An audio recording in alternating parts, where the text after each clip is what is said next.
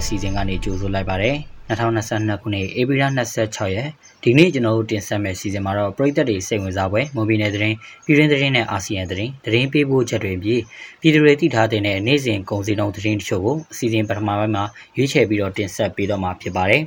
ဒါအပြင်တကြံကာလအပြီးပြည်ရင်းရွှေစည်းနှုန်းအတက်အကျမြန်နေပြီးအယောင်းဝယ်မရှိဖြစ်နေတဲ့ဆိုတဲ့သတင်းပေးပို့ချက်ကိုလည်းတင်ဆက်ပေးပါဦးမယ်။ ဒီနေ့စီစဉ်မှုကတော့ကျွန်တော်ခန့်မှန်းသူကတာဝန်ယူတင်ဆက်ပေးတော့မှာဖြစ်ပြီးကျွန်တော်နဲ့အတူမိအိမ်ဘလော့ကသတင်းတွေကိုကူညီဖတ်ကြားပေးတော့မှာပါနားဆင်ကြတဲ့ရိတ်တာအားလုံးကိုမင်္ဂလာပါလို့နှုတ်ခွန်းဆက်တာပါစေကျွန်မမိအိမ်ဘလော့ကကိုခန့်မှန်းသူနဲ့သူကူညီတင်ဆက်ပေးသွားမှာပါ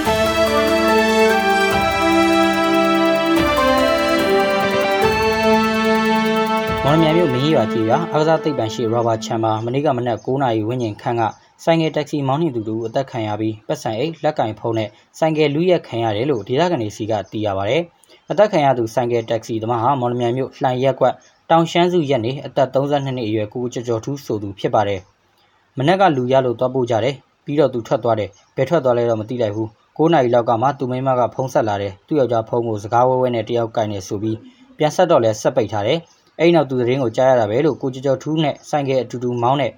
တဦးကပြောပါတယ် ကိုကျော်ကျော်ထူးဟာထောက်မဲပါဆိုင်ကယ်တက္ကစီလိုင်းကတက္ကစီမောင်းသူတဦးဖြစ်ပြီးကိုကျော်ကျော်ထူးရဲ့ဇနီးနဲ့ကလေးငယ်တဦးကြံရိတ်ခဲ့တယ်လို့သိရပါတယ်။လူရက်ခံရတဲ့ဆိုင်ကယ်က Wave NC8 130 model အသစ်ဖြစ်လို့နံပါတ်ပြားတော့မထုတ်ရသေးဘူးလို့သိရပါတယ်။အသက်ခံရတဲ့ဆိုင်ကယ်တက္ကစီမောင်းနှင်တဲ့ကိုကျော်ကျော်ထူးရဲ့ deck body ကို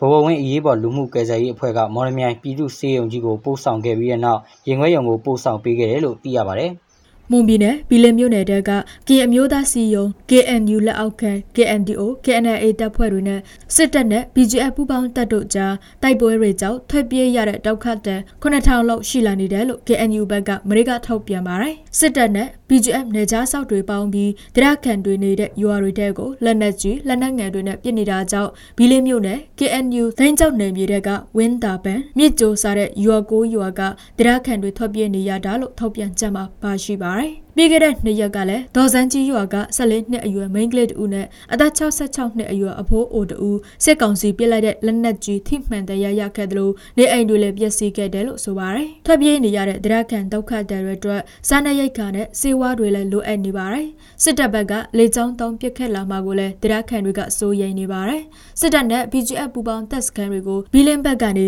ဧပြီလ23ရက်နေ့မှာနောက်ဆုံးထွက်ခွာပေးဖို့ KNDO တပ်ရနှစ်ဘက်ကကြေညာထုတ်ပြန်ထားပါတယ်။ဒါပေမဲ့တပ်မရက်ကျော်လာတဲ့အထိထွက်သွားတာမရှိသေးပဲတိုက်ပွဲတွေပြင်းထန်လာနေတာဖြစ်ပါတယ်။အခုလာမယ့်2022-2023ပညာသင်နှစ်ကစလို့အခြေခံပညာကျောင်းတွေမှာ9တန်း10တန်းနဲ့17တန်းတို့အတွက်သင်ရိုးသစ်အတန်းတစ်တွေဖွင့်သွားမယ်လို့ပညာရေးဒုဝန်ကြီးဦးစောဝင်းကပြောလာပါတယ်။နေပြည်တော်မှာပြုလုပ်ပြီးပြည်내နဲ့တိုင်းအသီးသီးကပညာရေးမှုတွေနဲ့တွေ့ဆုံရင်သူကအခုလိုပြောခဲ့တာပါ။တင်ရိုးသည့်အသုံးပြုမဲ့အတန်းတွေအတွက်ဆရာအဖြစ်တင်တန်းတွေလည်းပေးနေပြီလို့ဒုဝန်ကြီးကပြောပါတယ်။အဲ့ဒီအတန်းတွေအတွက်တင်ရိုးသည့်ပြောင်းတာကို ပြီးခဲ့တဲ့2021-2022ခုနှစ်ပညာသင်နှစ်ကလေးကစတင်ပြောင်းလဲဖို့အရက်သားအစိုးရလက်ထက်ပညာရေးဝန်ကြီးဌာနစီစဉ်ထားတာဖြစ်ပါတယ်။အခုတင်ရိုးသည့်ပြောင်းလဲခဲ့တဲ့အစီအစဉ်မှာ KG နဲ့12တန်းစနစ်ရဲ့ဒစိတစ်ပိုင်းဖြစ်ပြီး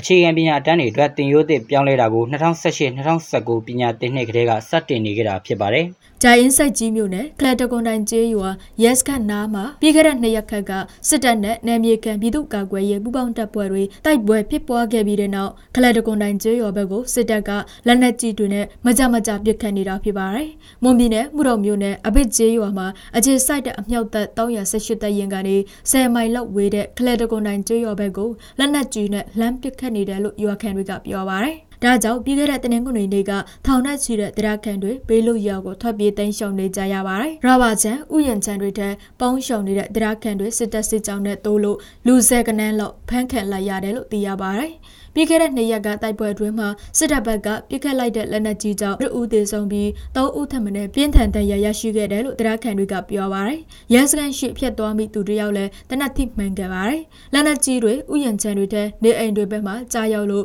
ပျက်စီးမှုတွေရှိတယ်လို့ရွာခံကပြောပါတယ်။လက်နက်ကြီးပစ်ခတ်မှုကြောင့်ကလဲတကွန်တိုင်းနန်တိုင်းထွန်ပူလိန်စတဲ့ပဝန်းကျင်ကျွရွာကထောင်နဲ့ချီတဲ့တရားခံတွေဘေးလူရွာကိုထွက်ပြေးတိမ်းရှောင်နေကြရတာလို့နောက်ထပ်ရွာခံတို့ကပြောပါတယ်။ တရုတ်နိုင်ငံမြို့တော်ဘေကျင်းမှာကိုဗစ်ရောဂါကူးစက်ထိန်းချုပ်ဖို့လူပေါင်း21တန်းကိုလော့ဒေါင်းချရောဂါစစ်ဆေးမဲ့စီမံချက်ကြောင့်မြို့ကန်တွေကစားနပ်ရိက္ခာပြက်လက်မှာစိုးရင်ပြီးကြိုတင်ဝယ်ယူစုဆောင်းတာတွေရှိနေပါတယ်။ဘေကျင်းခရိုင်စုရင်စု16ခုတဲကစုရင်စုတစုမှာတော့လူအများအများကိုကိုဗစ်စစ်ဆေးမှုတွေစတင်နေပြီလို့အာဏာပိုင်တွေကပြောပါတယ်။အဲ့ဒီဒေသမှာမြို့ကန်တအူးချင်းစီကိုအိမ်ပြင်မထွက်ရလော့ဒေါင်းသတ်မှတ်ထားပြီးကိုဗစ်စစ်ဆေးမှုဟာဒီကနေ့24နာရီလုံးကြာမြင့်မယ်လို့ဆိုရတယ်။ ဗန်နိုင်အချက်ချာကြတဲ့ရှန်ဟိုင်းမြို့အပါအဝင်မြို့တော်တော်တော်များများမှာကြုံတွေ့ခဲ့ရတဲ့အတိုင်းအိမ်ပြင်လုံးဝမထွက်ရတင်းကျပ်တဲ့စီကံကြောင့်စားနပ်ရိက္ခာပြက်လက်မှာကိုစိုးရိမ်တဲ့အတွက်ဘေကျင်းမြို့ကန်တွေကကြိုတင်စုဆောင်းနေကြတာဖြစ်ပါတယ်။ဧပြီလအစောပိုင်းကလူဦးရေ25တန်းရှိတဲ့ရှန်ဟိုင်းမြို့တစ်ခုလုံးကိုတင်းတင်းကြပ်ကြပ်လော်ဒေါင်းချပြီးကိုဗစ်စီစဉ်မှုပြုလုပ်ခဲ့ရမှာနေအိမ်အလုံးစီကိုအချိန်မီစားနပ်ရိက္ခာမပို့နိုင်တာကြောင့်တချို့လူတွေရက်ချီအစာပြက်လက်မှုတွေကြုံတွေ့ခဲ့ရပါတယ်။အစာပြက်လက်ပြီးလော်ဒေါင်းချခံထားရတဲ့ရှန်ဟိုင်းမြို့ကန်တွေကဒေါသထပ်ပြီး တိုက်တွေပေါ်ကနေကြဲကြဲလန်လောင်အော်ဟစ်နေကြတဲ့ရုပ်တံဖိုင်ဟာလူမှုကွန်ရက်တွေပေါ်မှာပြန့်နှံ့ခဲ့ပြီးလော်ဒေါင်းကာလာအတွင်းတိုက်ပေါ်ကခုန်ချပြီးတိတ်ဆုံးတဲ့ဖြစ်စဉ်တွေလည်းရှိခဲ့ပါတယ်။တင်းကျပ်လွန်းတဲ့မူဝါဒကြောင့်ရှန်ဟိုင်းပြဿနာဟာတရုတ်ဆိုးရရဲ့ဇီရိုကိုဗစ်မူဝါဒအပေါ်ဝေဖန်မှုတွေမြင့်တက်ခဲ့ပါတယ်။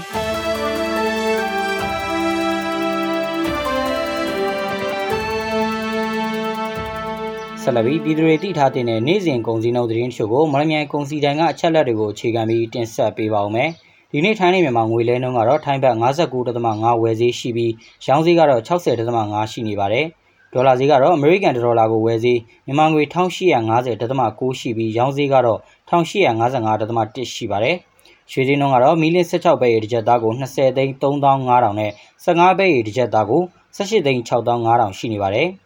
73စီဈေးတွေကတော့ဒီဇယ်1လီတာကို2205ကျပ်အောက်တိန်62တလီတာကို1890နဲ့65တလီတာကို1980အထိရှိနေပါတယ်။ရာဘာဈေးနှုန်းမှာအကောင်းဆုံးကတော့နီလန်လွတ်တစ်ပေါင်ကို1130ကျပ်ရှိပါတယ်။စံစည်းနှုန်းကတော့အကောင်းသားပေါ်ဆံမွေစံသား80ကို92,500ကျပ်အလဲလက်တန်းစံအမျိုးအစားပေါ်ကျွဲတဲ့စံသား80ကို41,000ကျပ်နဲ့အမထစံတွေကတော့စံသား80ကို3,500နဲ့စံသား90ကို3,2500ကျပ်ရှိနေပါတယ် ကျမတို့ရဲ့မလန်းမြန်မာဘက်ကမြန်မာဘာသာစီစဉ်ကိုအားပေးနားဆင်ကြတဲ့ပရိသတ်များရှင်ကျမတို့အတန်လို့စီစဉ်ကနေပြီးတော့မွန်ပြည်နယ်မှာဖြစ်ပျက်နေတဲ့သတင်းများပြည်တွင်းငင်းချဲရေးဖြစ်စဉ်များအပြင်မြန်မာနိုင်ငံတွင်းနဲ့အာဆီယံတွင်းများကိုအပတ်စဉ်တင်လာနေမှတောက်ကြနေများတွင်ည9:00နာရီအချိန်တွင် Mon New Agency Facebook စာမျက်နှာတွင်ဝင်ရောက်နားဆင်နိုင်သလိုမလန်းမြန်မာဖောက်ကစာမျက်နှာတွင်လည်းဝင်ရောက်နားဆင်နိုင်ပါပြီအားပေးကြတဲ့ပရိသတ်များအားလုံးကိုကျေးဇူးတင်ပါတယ် အခုတင်ဆက်ပေးထားခဲ့တာကအေဗီလာ26ရက်နေ့မှာဖြစ်ပျက်ခဲ့တဲ့မွန်ပြည်နယ်သတင်းပြည်တွင်းသတင်းနဲ့အာဆီယံသတင်းတွေပြင်တနေ့တာစီစဉ်ငွေစည်းနဲ့ကုန်စည်နှုန်းတွေကိုတင်ဆက်ပေးထားခဲ့တာပါဆက်လက်ပြီးတော့ဒကြံကာလအပြီးပြည်ရင်းရွှေစည်းနှုန်းအတက်ကြမြန်နေပြီးရောင်းဝယ်မရှိဖြစ်နေတဲ့ဆိုတဲ့သတင်းပေးပို့ချက်ကိုတော်တာကတင်ဆက်ပေးပါဦးမယ်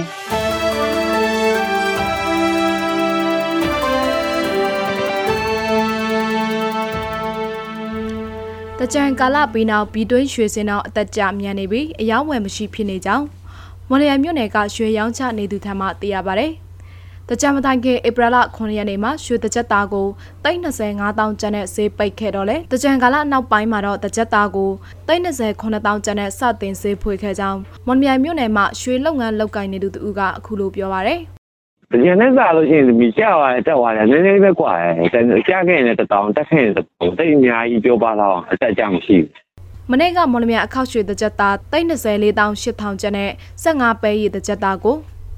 18သိန်း9000 9000ကျပ်နဲ့ပေါက်ဆေးရှိနေကြောင်းသူကဆက်ပြောပါရယ်ဧပြီလ23ရက်နေ့မှာအခောက်ရွှေတကြက်သားလျင်36000ကျပ်နဲ့15ပဲရီတကြက်သားလျင်18သိန်း9000ကျပ်ထိဈေးပေါက်ခဲ့ကြောင်းသိရပါရယ်တကြံကာလပြီးနောက်ရွှေဈေးကိုအကျဈေးနဲ့ပြန်လည်ဈေးဖွေလာနိုင်ကြောင်းရွှေလုပ်ငန်းရှင်များကသုံးသပ်ခဲ့ကြတာဖြစ်ပြီးလက်ရှိမှာရွှေစင်းတော့အသက်ကျတည်ငြိမ်မှုမရှိသေးတာကြောင့်ပစ္စည်းအတူနေနေကြောင်းမော်လမြိုင်မြို့ကရွှေလုပ်ငန်းရှင်တို့ကပြောပါရယ် မော်လမြိုင်မြို့နယ်အတွင်းမှာရှိတဲ့ရွှေဆိုင်တွေအနေနဲ့ရခင်နှစ်သက်အလဲထက်တမကအယောင်းဝယ်ပါအေးနေတာလည်းဖြစ်ပါတယ်။